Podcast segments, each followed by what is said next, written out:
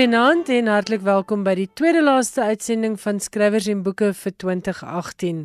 Ek is Elsje Salzwetel en my gas vanaand is Bibi Slippers, bekende bekroonde digter en ook aanbieder van In die bed met Bibi en Bibi se boekrak, twee heerlike programme oor boeke en Afrikaanse letterkunde. Nou ek het vir Bibi genooi om te kom gesels oor 10 boeke wat sy die afgelope jaar ontdek het. Vertel 'n bietjie vir ons hoe jy te werk gegaan om hierdie lysie boeke saam te stel. Dankie Ilse.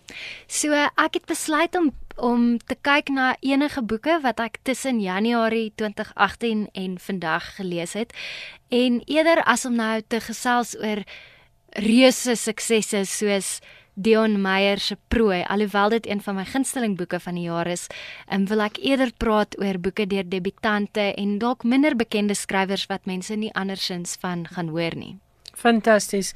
Ja, dit is vir my ook die idee met mense na die ateljee nooi is om 'n bietjie ander menings te hoor want 'n mens kan onmoontlik nie in die bestek van 1 jaar se programme by al die boeke uitkom wat mm. in Afrikaans verskyn het nie. So vertel vir ons 'n bietjie van jou verskillende ontdekkings. Waarmee spring jy weg? So ek wil graag begin met Irma Venter se boek Sondag. Dis een van die romans in haar sogenaamde S-reeks. En ek het besluit om met Irma te begin want ek dink die Engelse praat van underrated. Ek dink in Afrikaans kan ons gerus sê iemand is onderbewonder.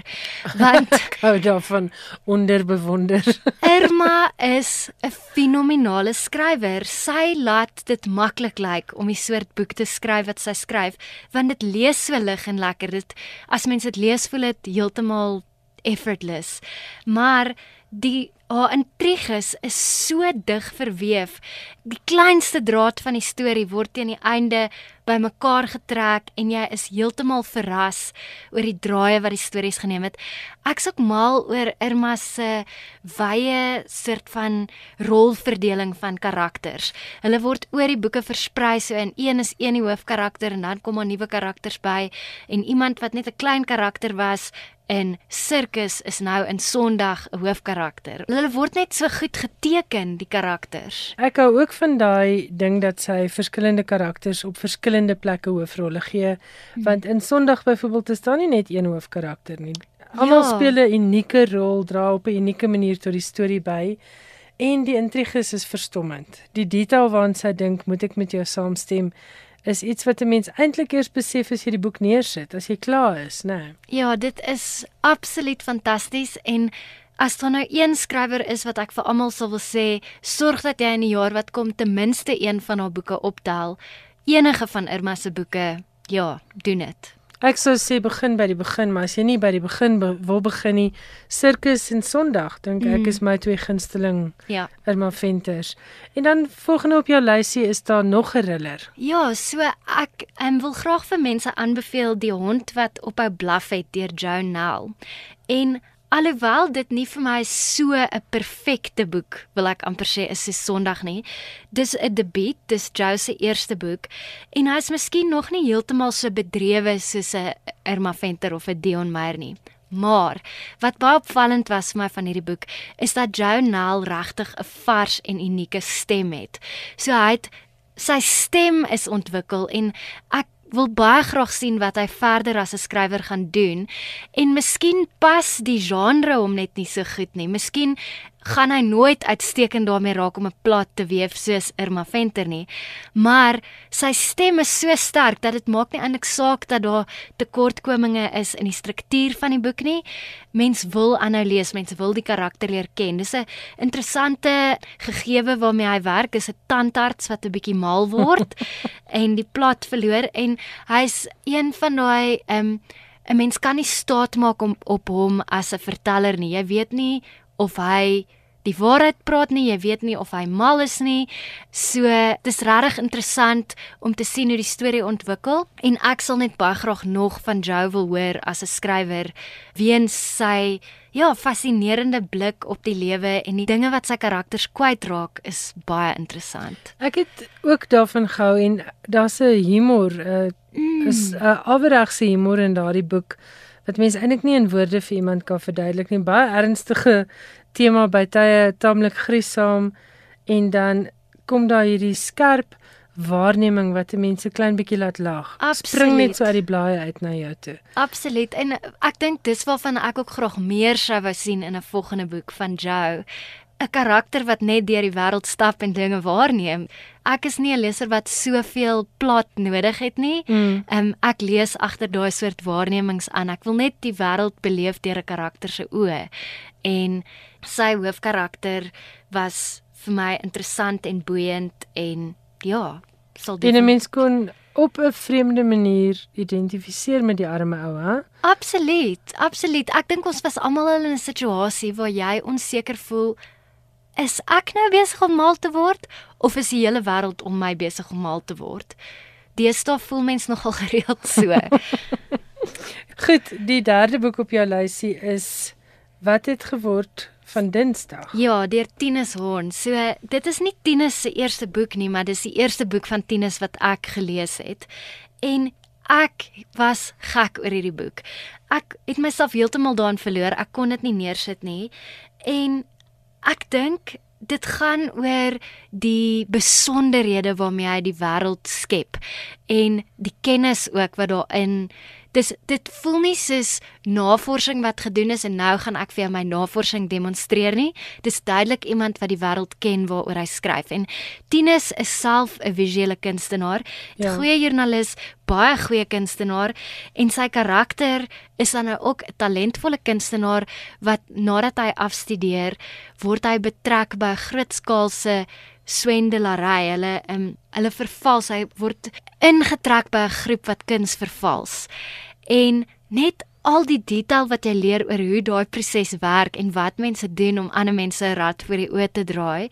So jy gaan saam met met Joe die karakter op hierdie reis, maar dan beleef jy ook saam met hom hoe hy besef dat sy lewe eintlik ontrafel het. Soos hy vir jou die storie vertel, is daar amper 'n agteruit storie ook waar jy agterkom maar hierdie man het het sy grip op die realiteit en op alles waarvoor hy lief is verloor en dan is daar 'n klimaks waar hy nou um, van aangesig tot aangesig kom met die werklikheid wat hy vir homself geskep het.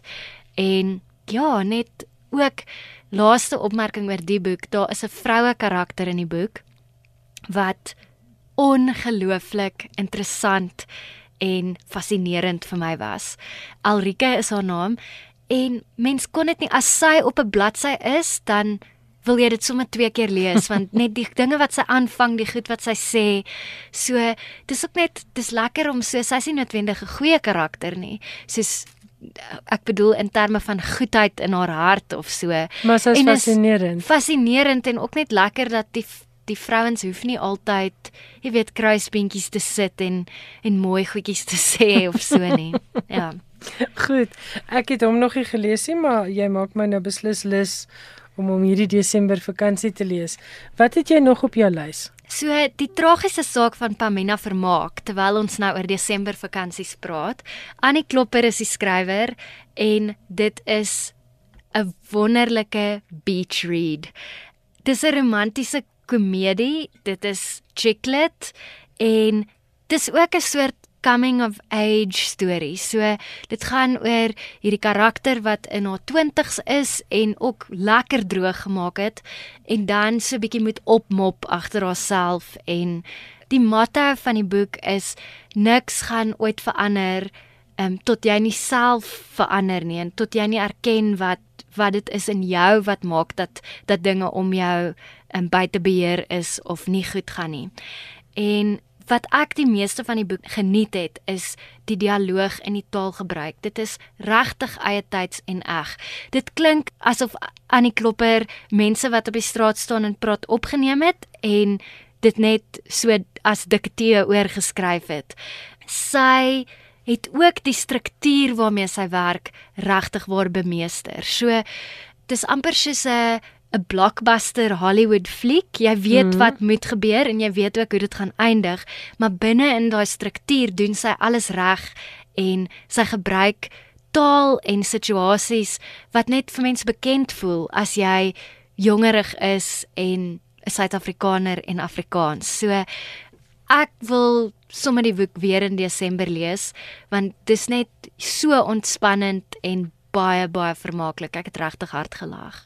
En dis die ding van Chicklet, nou dit is nie 'n boek wat jy gaan onthou tot aan die einde van jou lewe nie, maar dis hoogs vermaaklik terwyl jy daarmee besig is. Ja, en dit was net dis vir my interessant dat baie van die resensente van hierdie boek dit dit het vir my gevoel asof hulle letterkunde verwag het en die boek takseer het op grond van hogere letterkunde. Want sy is bekend in die literêre wêreld, maar Ja, maar ek ek voel 'n mens moet 'n boek takseer op grond van wat dit is, nie wat jy wil hê dit moes wees of wat nie. jy ja, wat jy gehoop het so 'n persoon Ja. sou skryf nie. Ja, ja. Annie het nie probeer om die groot Afrikaanse roman te skryf nie. Sy het probeer om 'n ongelooflike vermaaklike chicklet boek te skryf en dit het sy absoluut reg gekry. En dit is Die tragiese saak van Pamina Vermaak. Deur Annie Klopper.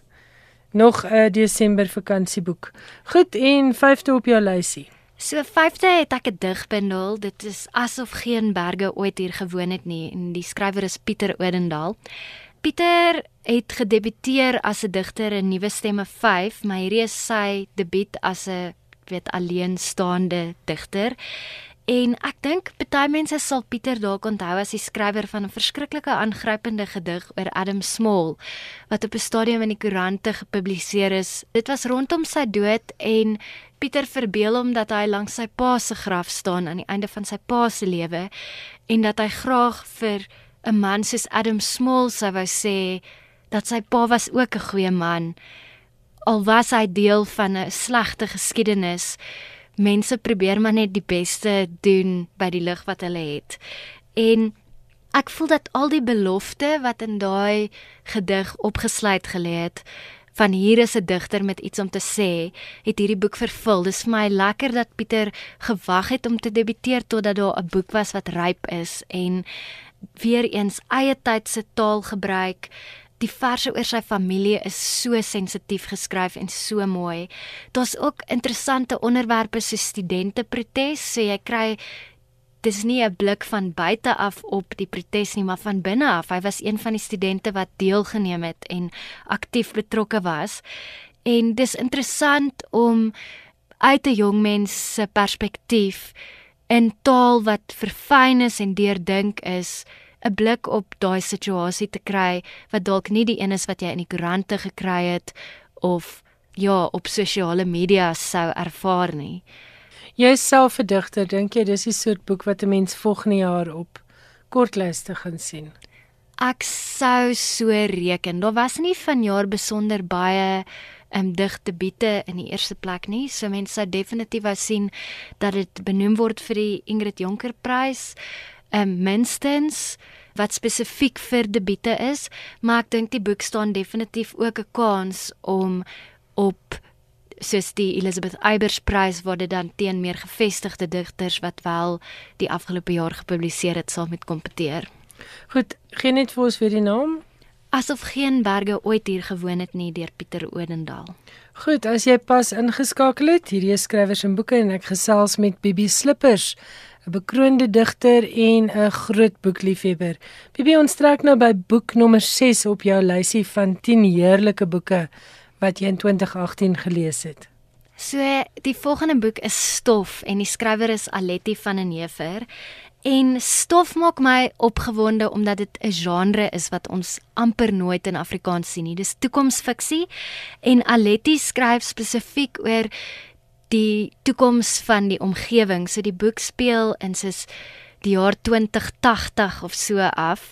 Die Kaap is 'n woestyn, die son brand mense dood, daar's stof oral. Jy kan nie asemhaal sonder 'n 'n masker nie. En die boek speel in hierdie konteks af. Maar wat wat dit ekstra interessant maak is dat dit nie net 'n genrewerk is nie, dis werklik ook 'n literêre werk. So dis geskryf as deel van Aletti se meestersgraad in kreatiewe skryfkuns en die manier waarop genre verweef word met literêre tegniek is verstommend. Dis regtig 'n goeie boek. Dit kom wel, ek wil 'n waarskuwing gee. Dis 'n moeilike boek. Mense mens raak moeilik gewoond aan die manier waarop dit geskryf is want een van die dinge wat sy doen is om bestaande Afrikaans te vat en haarself te verbeel hoe gaan hierdie taal klink oor 80 jaar en mens moet as leser gewoond raak aan vreemde woorde en dit vat 'n tydjie. So moenie voordat jy 50 of 100 blaaie gelees het neersit omdat dit moeilik is nie.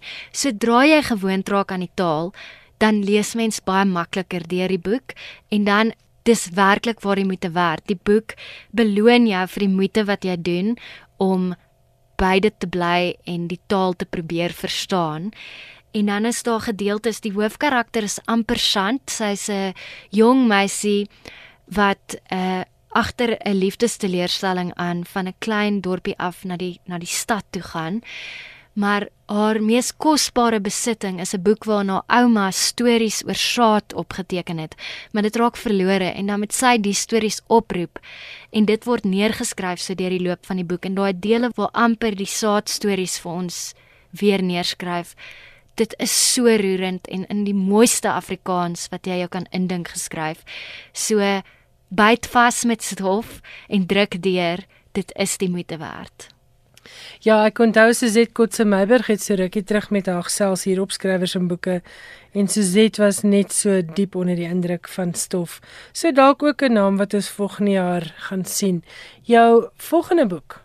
So die volgende een is Wrok deur Beyers de Vos en weer eens die produk van 'n meestersgraad in kreatiewe skryfkuns en 'n mens kan sien hoe hierdie boek verfyn is.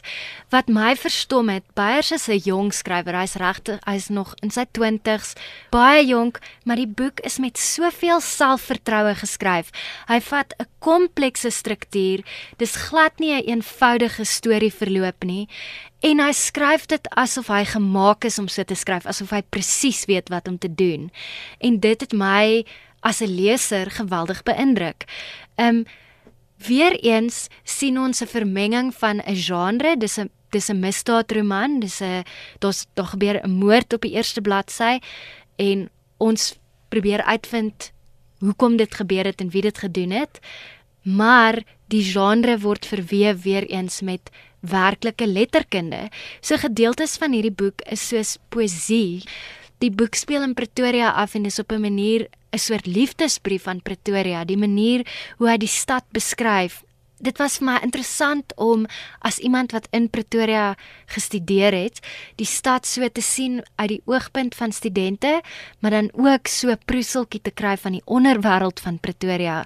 Mens mens voel so of jy het al gehoor van die onderwêreld van Johannesburg en die onderwêreld van Kaapstad en om Pretoria se onderwêreld so oop te vlek was regtig slim en vars en ek het baie lekker aan Wrok gelees en weer eens sien so baie uit daarna om te sien wat Beyers in die toekoms gaan skryf want as jou eerste boek al met soveel selfvertroue uitkom dan dink ek dit gaan net van krag tot krag gaan.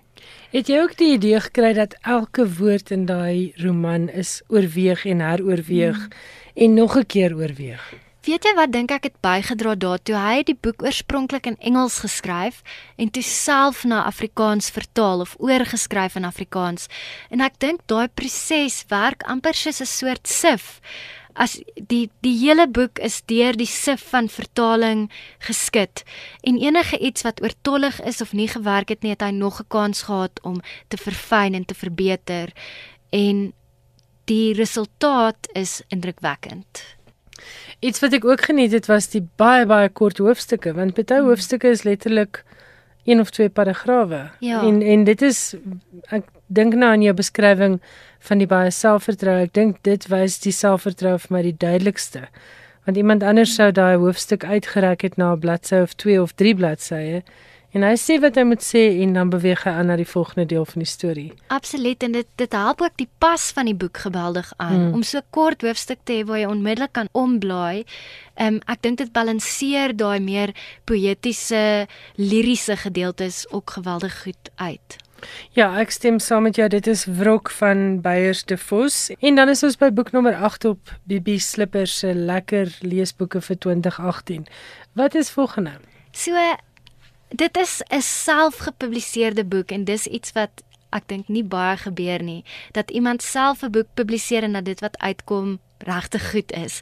Die boek se titel is Wat binne is en dit is deur die digter en kletsrymer Jaco van der Merwe van Bittereinder Farm en Wieke de Wet, die fotograaf. Hy is 'n fotojoernalis En in hierdie boek is dit Wieke se fotos vergesel deur Jaco se teks en dis die manier waarop die teks by die fotos aansluit wat vir jou as leser 'n bietjie werk veroorsaak, maar wat dit ook net so fascinerende lees maak, want dis nie 'n letterlike beskrywing van dit wat jy in die foto sien nie, maar as jy die gedig lees, dan kan jy voel hoekom hoekom daai teks by daai foto sit.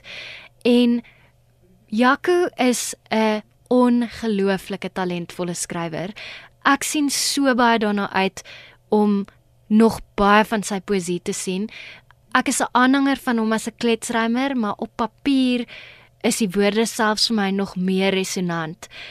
Hy skryf vir my 'n baie kontemporêre soort poësie wat vergelykbaar is met min anders wat jy tans in Afrikaans sien. Maar as jy die poësie van jong skrywers van die wêreld oorlees, dan is dit in dieselfde register as Jaco se werk. Dit word baie beïnvloed dink ek deur die internet en die massas inligting. Daar's baie verwysings, maar jy hoef nie te verstaan wat jy lees om dit regtig te kan waardeer nie. Ek dink omdat hy gevoelig is vir klank en 'n kletsrymer is, kan jy regtig net die woorde vir jouself lees in 'n soort van amper soos onder 'n stort onder die woorde staan en dit gaan dinge aan jou doen. Ja, ek kan hierdie boek werklik vir nie genoeg aanbeveel nie. Ek dink dit jy kan vir Jaco kontak op sosiale media om een te bestel en dit is nie wyd in winkels beskikbaar nie, maar dis die moeite werd vir al vir poesielesers om die moeite te doen om die boek in die hande te kry. Goed, ek hou so van daardie beeld soos 'n stort onder net onder die woorde gaan staan. Geen net weer vir luisteraars die titel en die skrywer. Dis wat binne is deur Jaco van der Merwe en Wikus de Wet. En Jaco is van Bittereinder en soos Bibi sê, soek hom op op sosiale media en bestel sommer direk van hom. Jy luister na skrywers en boeke, jou belangrikste bron oor Afrikaanse boeke. As jy nou pas ingeskakel het, ek gesels met Bibi Slippers oor haar leeslys vir 2018. Bibi, die voorlaaste boek op jou lysie van 10 is 'n digbundel deur Corneille Coetzee. Die boek se titel is Nou hier en hy het verlede jaar al verskyn, maar ek het hom eers vroeg hierdie jaar gelees. Maar dit is nog steeds 'n digbundel waartoe ek terugkeer elke nou en dan. En ek dink die rede is Een van die buzzwords wat ons tans gereeld hoor is mindfulness en mense gooi die woord rond. Maar nou hier is vir my mindfulness in aksie.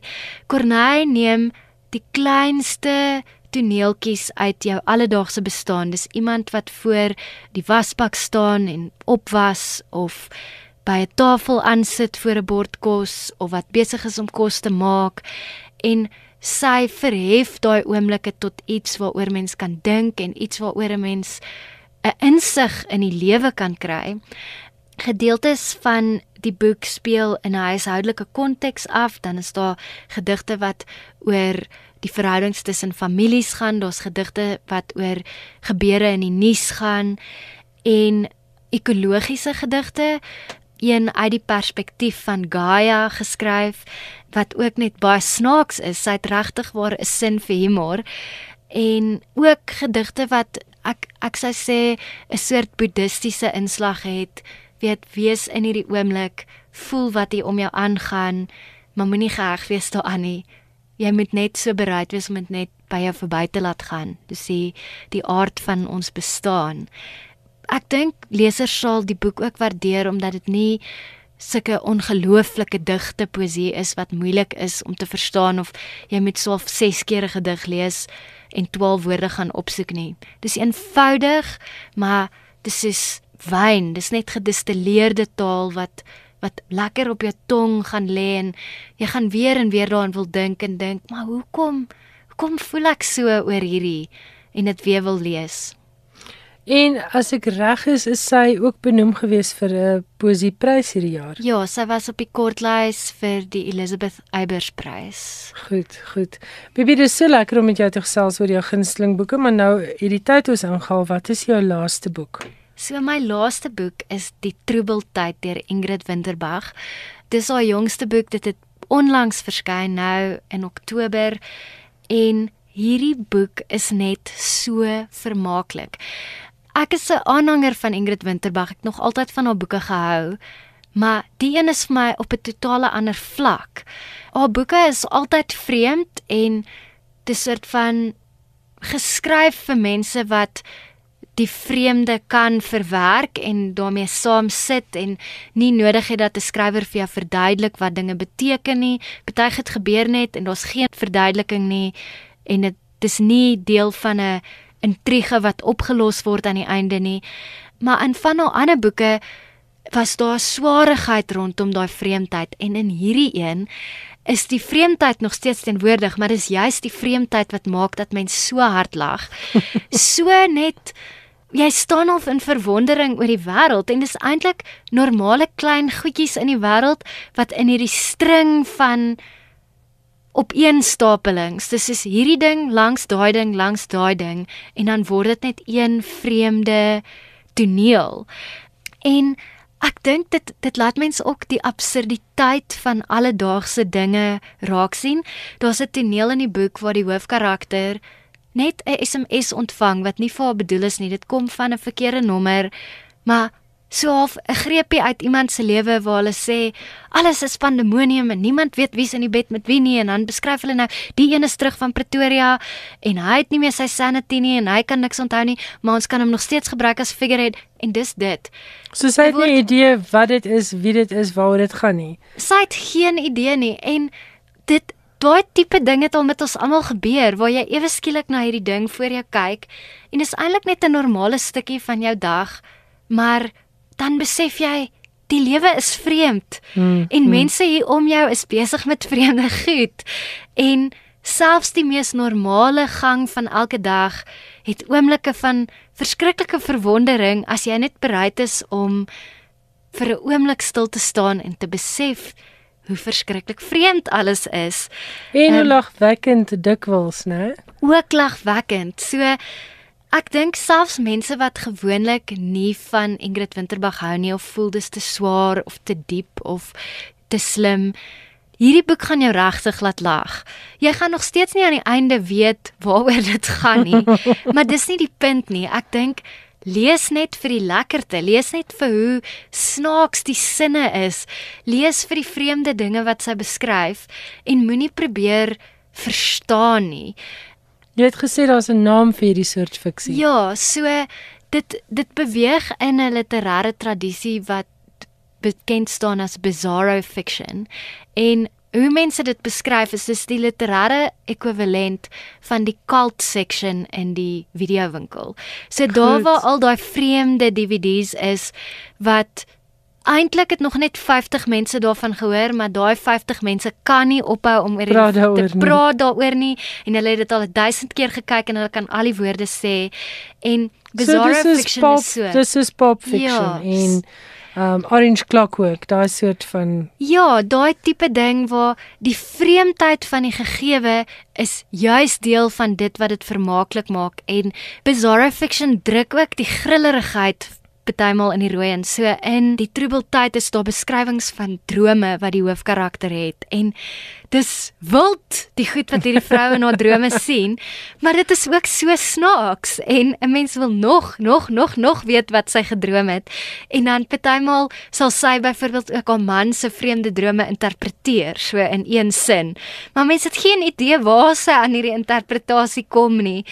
Sy sal net sê dis 'n droom oor hoe baie jy na jou pa verlang of wat ook al maar dan die die inhoud van die droom weerspieël dit glad nie maar ja mens lag lekker en ek dink hierdie boek gaan volgende jaar baie pryse wen.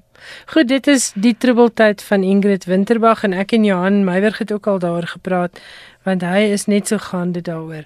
So beslis iets vir jou leeslysie hierdie tyd van die jaar. Baby Slippers, dit was so lekker om met jou te gesels. Jou entoesiasme vir boeke en vir Afrikaans is baie aansteeklik. Ek hoop daar's nog 'n kans om vorentoe weer met jou te gesels en lekker lees. Dankie, selfde vir almal. Dit was die stem van Bibi Slippers. Ons het gesels oor haar lekker interessante en uiteenlopende gunsteling boeke vir 2018. En ek hoop jy het ook iets gevind op haar leeslys waarvan jy hou. Nou het dit tyd geword vir Johan Meiburg se insetsel oor die internasionale letterkunde.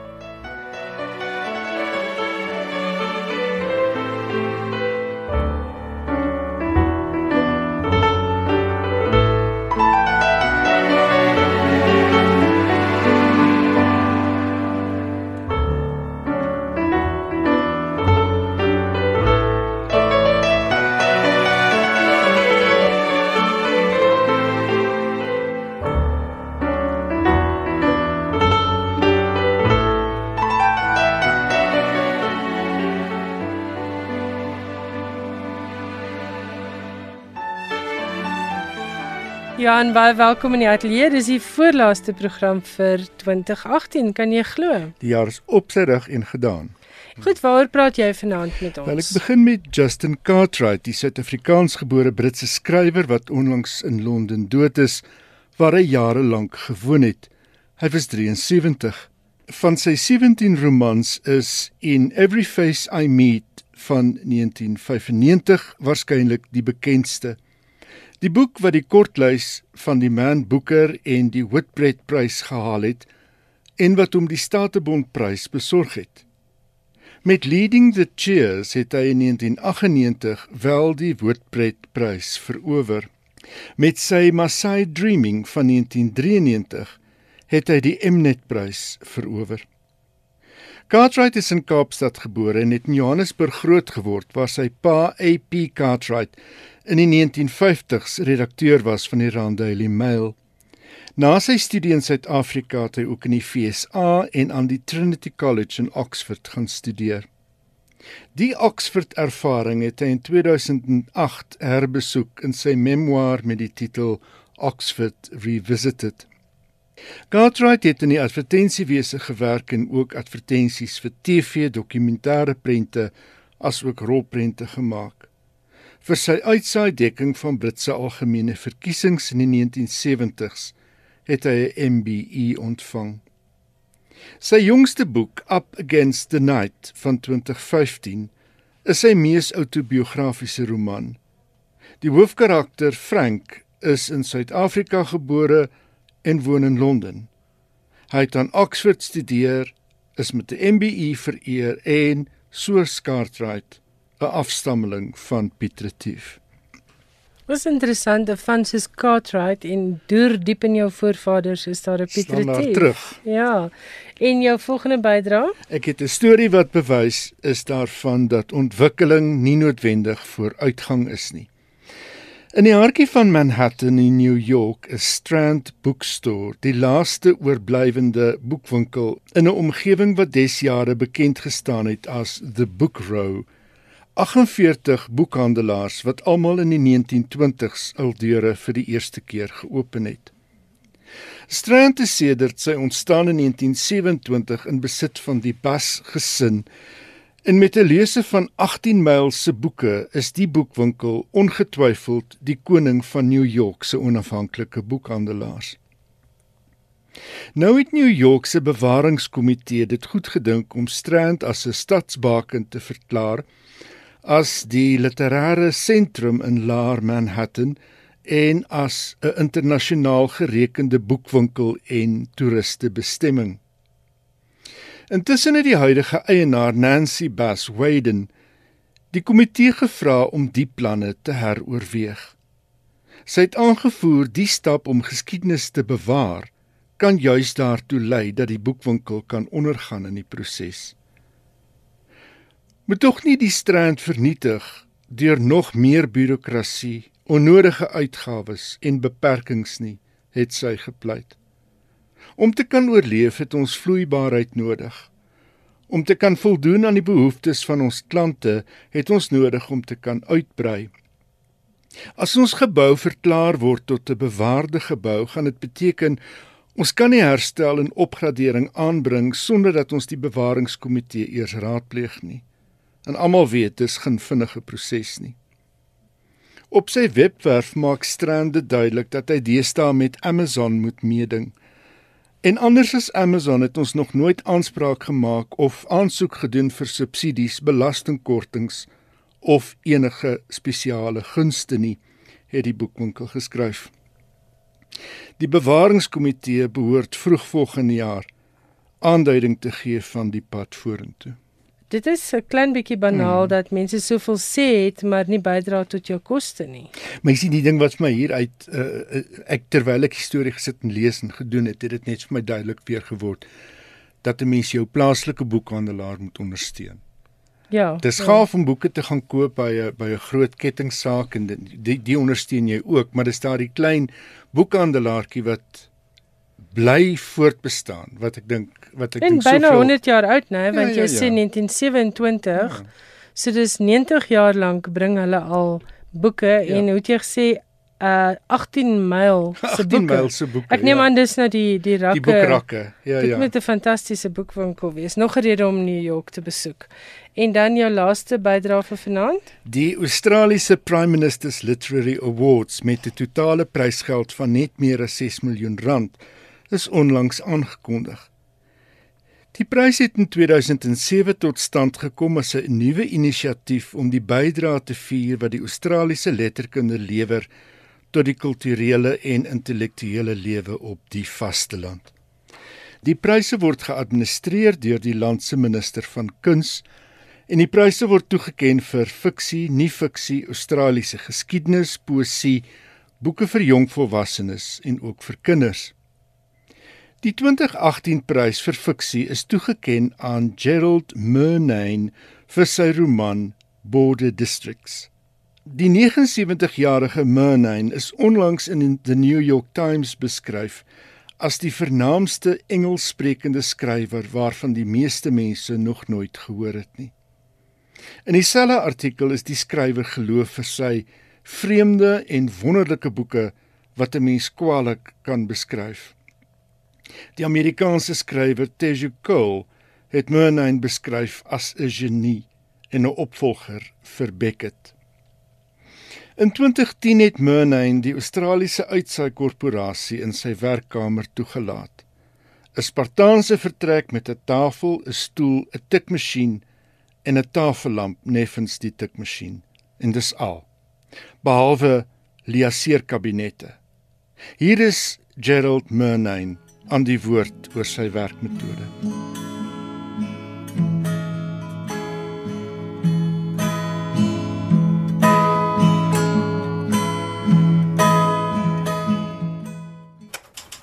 I'm Gerald Murnane. I'm sitting in the room where I do most of my writing. Well, I'm a tidy person to look at. You can see the tidiness of this room. There's not a thing out of place. And in those in the filing cabinets around me, everything's catalogued in its right order. But my mind is untidy, and one thing struggles against the other. I've never been someone who's been terribly interested in the visual arts, so I'm not a collector of paintings. I think it concentrates my mind. I find it easier not to be distracted. I find it easier to concentrate on the task in hand if I haven't got too much to look at around me. And I even pull these curtains closed if the light's too bright and turn on the desk light even in the middle of the day. That's my working atmosphere is to feel myself um, enclosed from the world, removed from the world for the time being. You'll look in vain for any sort of uh, computers or um, electronic equipment in this room. The most advanced uh, technological equipment, I think, is the 1965 Remington Monarch typewriter. Typing with one or two fingers on a typewriter seems to me to match perfectly the speed at which my thoughts work when I'm writing. And I live in dread of one breaking down, uh, and so I keep two for emergencies. I call this my literary archive. There are 10 drawers. Each of them contains all the material that went into the making of one or another of my books. But at the back, you'll find untidy handwritten pages. At the front, you'll find a file copy of the finished book and even all the reviews and the comments. This is part of what I call my chronological archive. Um, we just happened to have opened one of 19 drawers that we could have opened, and then I've been a great writer of letters to people, and people write letters to me, and there must be I, I couldn't count them. There'd be many thousands of letters in those uh, in those cabinets. The equivalent for me of email is the little box of envelopes up there. All my life I've been fascinated with things Hungarian, and it's one of my greatest achievements that I learnt the language. Every morning I spend 30 minutes reading aloud from children's books to help my pronunciation. This is a is one of 30 bags and each of the 30 bags contains about 500 tickets. On the one side, I wrote a sentence or a word in English. On the other side, I wrote the Hungarian equivalent of that sentence or that word, all handmade by myself. And don't ask me where I found the time to do it, I just can't believe that I did it. When I played racing games as a horse racing games as a boy, Um, I used um, sometimes marbles and sometimes out in the backyard pebbles. And the pebbles you see there are pebble racehorses uh, eternally lined up for the beginning of a race, uh, which will take them flying through the window and out into the, the front garden. This room to me is unimaginable luxury compared with what I used to have. All I had was the ironing board. Um, that to me was uh, enough space uh, to write in those days. I can't believe now that I wrote three books uh, at the ironing board. I like to be aware of it, to remind myself of how hard I've worked in the past. Well, it's a violin, I call it my fiddle. Um, I play it um, quite often, but only when no one can hear me. So I won't be doing a demonstration for you.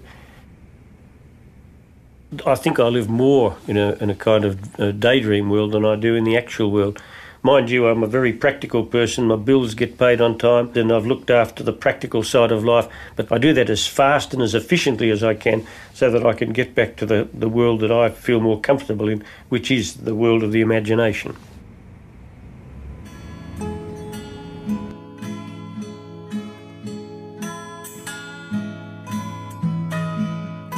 Dit was Gerald Murnane en hy het gepraat oor hoe hy sy skryfwerk aanpak.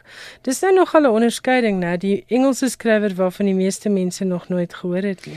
Hy woon in afsondering in uh, al baie jare in in Victoria in in uh, Australië. Hy beweeg nooit buite daardie klein wêreltjie uit nie. Die naaste plek waartoe hy sal gaan by geleentheid is Melbourne en hy gaan aan met sy met sy belangstellings en met sy skryfwerk soos wat dit blyk uit hierdie klein onderhoud. 'n Baie baie interessante man. Wonderlik Jan, baie dankie. Ons gesels volgende week vir Oulaas in 2018. Baie dankie. Dis ongelukkig dan al waarvoor ons vanaand tyd het in skrywers en boeke. My e-posadres soos altyd is skrywers en boeke by rsg.co.za en die SMS nommer 45770.